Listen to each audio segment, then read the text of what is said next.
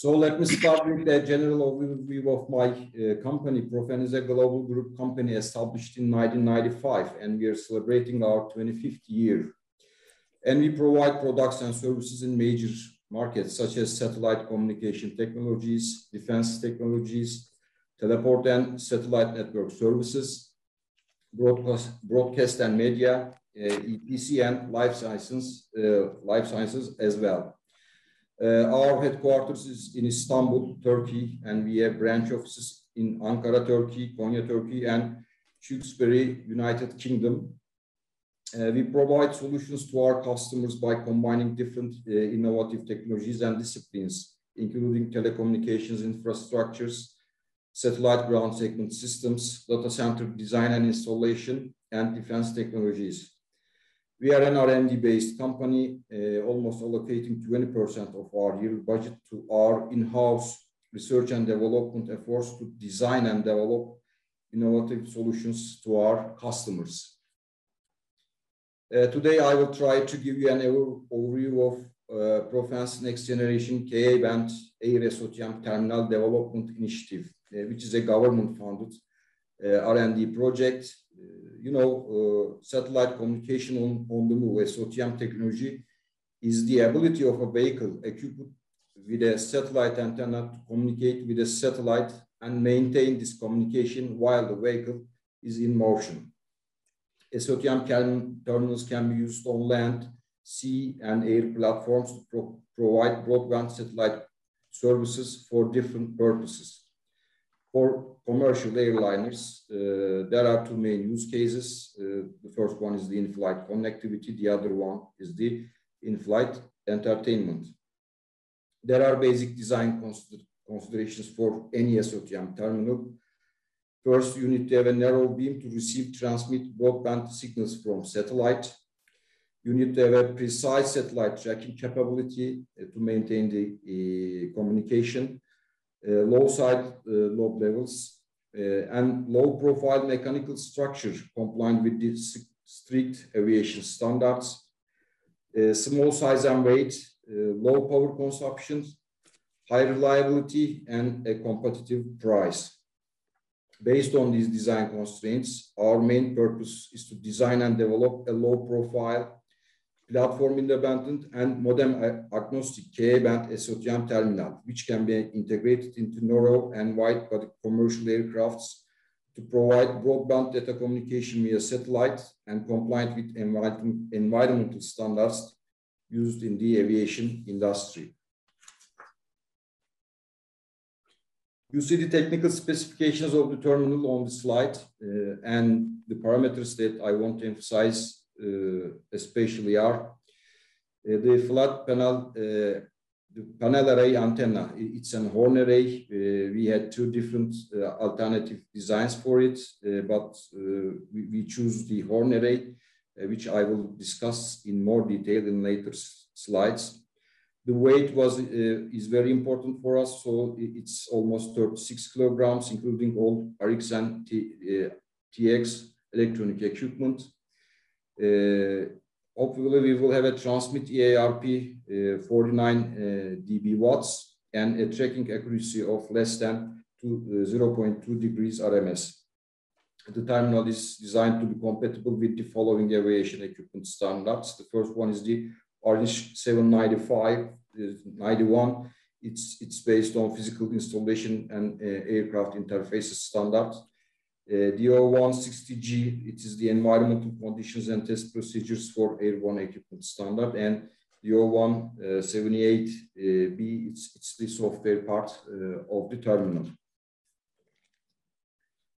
Uh, on the left-hand side, you see the concept of operations for an airborne SOTM. Uh, the SOTM uh, VSAT is utilizing commercial KU or Ka-band satellite transponders and can be called as aircraft earth station that is providing functionality for transmission, reception, and processing of signals via satellite given aeronautical and or broadband connectivity ser services in KU or KA bands. On the right hand side, uh, that figure shows the configuration and placement of uh, our existing terminal elements Uh, we are using an alternate ARINC 795 compliant configuration layout without a KU-KA band RF unit in order to ensure platform independency. In this configuration, the HPA uh, block up converter and block down converter is to be moved to outside antenna equipment inside the radome. Uh, and in this case, the HPA cooling becomes a critical item at that configuration. Uh, the most important aspect of the project of Profen uh, is that this is the first uh, flat panel antenna being designed and developed by us. Uh, from our point of view, the most critical stage is the creation of design alternatives uh, for flat panel and the selection of the optimal one among in terms of technical performance, compatibility with standards, manufacturability, maintainability, and cost. We compared slotted arrays versus horn arrays with modeling and simulation studies and analysis, and we decided to use a horn array flat panel, which offers the most optimized results for us. Uh, you can see the front view of the combined panel structure of uh, 1024 array. It's an array of 64 uh, by uh, 16 uh, aperture antenna. After the diameter conversion of total surface area, the calculated aperture is 0.37 meters. Considering the entire antenna system, the antenna G over T ratio is expected to be over 13 dB over Kelvin based on power losses, atmospheric losses, cable and connector losses, and losses that will occur after the integration of the active products, defect structures, and other RMS errors that will affect the surface conductivity. Uh, in the figure, you can see the feed structure required for the use of uh, both left-hand circular polarization and right-hand circular polarization. Uh, while we are designing the feed part, a distribution structure is preferred to preserve the symmetry in terms of phase and power.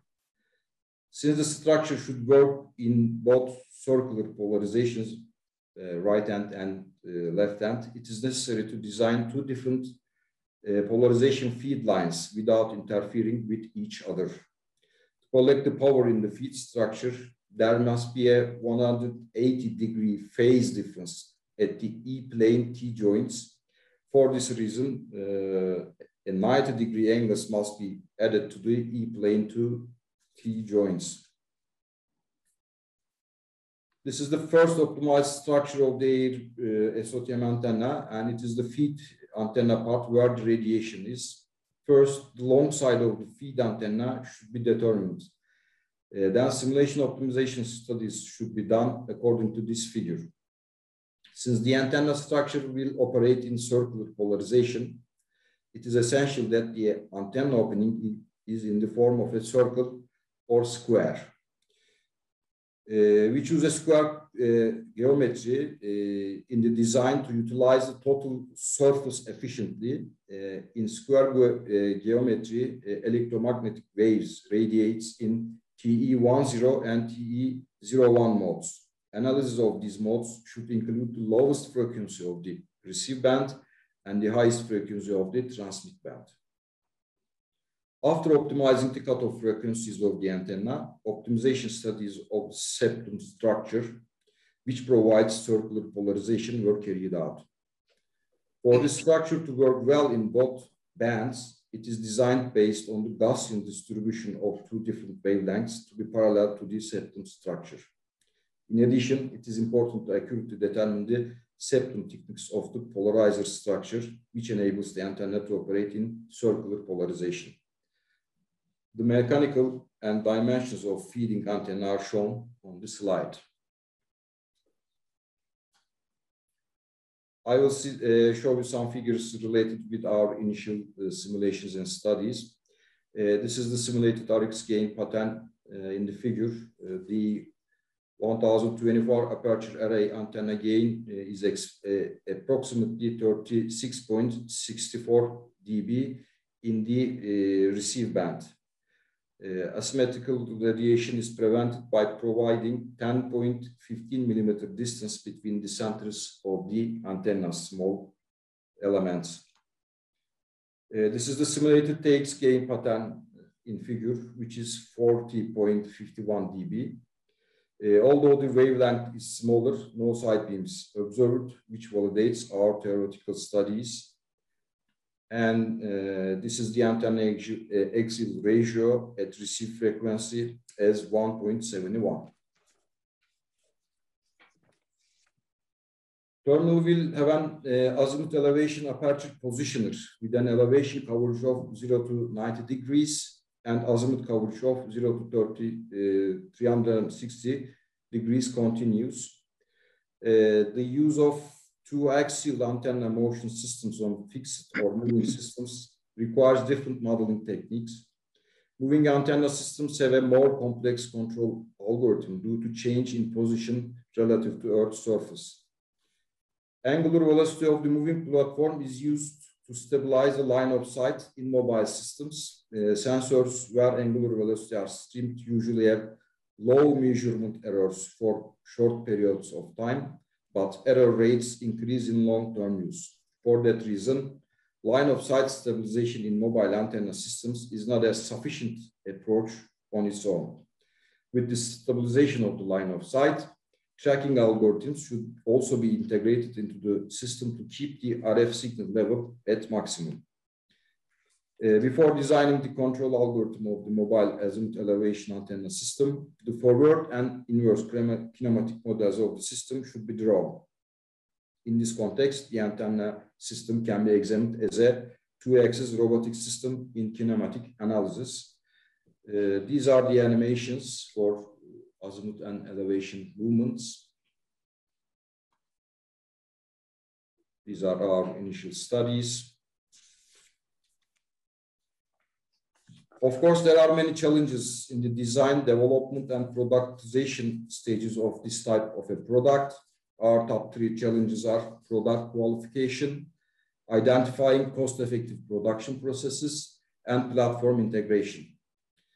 Uh, to carry out the product qualification process smoothly and not to face with major design changes later, we are conducting all system engineering activities, starting from system requirements based on uh, DO160G and DO168B standards. Since the end product shall be competitive with the similar ones in the market in terms of cost as well as technical performance, we have to focus on cost-effective production processes for serial production. We are considering different techniques, including production with machining and additive manufacturing. Product integration is another very important challenge for us since we are aiming a platform independent mechanical structure. All design activities are based on ARINC 791 standard to provide an easy to integrate solution for narrow and wide body aircrafts. This is our roadmap for the products. Uh, we are planning in early 2022 within the Q1 to fix the design and start an iterative process for prototype production, which we plan to have a fully working uh, DO160 ready technology readiness level 7 prototype in Q1 of 2023. And we are planning to finalize productization qualification uh, in 2024, uh, hopefully in half one. As conclusions, we completed preliminary design and now working on critical design. We are planning final design to be fixed in 2022 quarter one. We consider two alternative designs for flat panel structure, horn array versus slot array. We choose horn array structure mainly due to bandwidth of Ka band, Rx and Tx frequencies. Uh, the product will have an uh, azimuth elevation movement system and will be modem and platform agnostic, compliant with ARINC 791 standard. We are still evaluating the production process, machining versus 3D printing. there are pros and cons to be considered, but uh, 3D printing seems very promising uh, with the existing maturity level of the additive manufacturing. Uh, first working prototype will be ready in 2022 quarter three. First DO-160 qualification-ready product is expected to be in 2023 Q3. Uh, thanks for your attention, and uh, this concludes my presentation.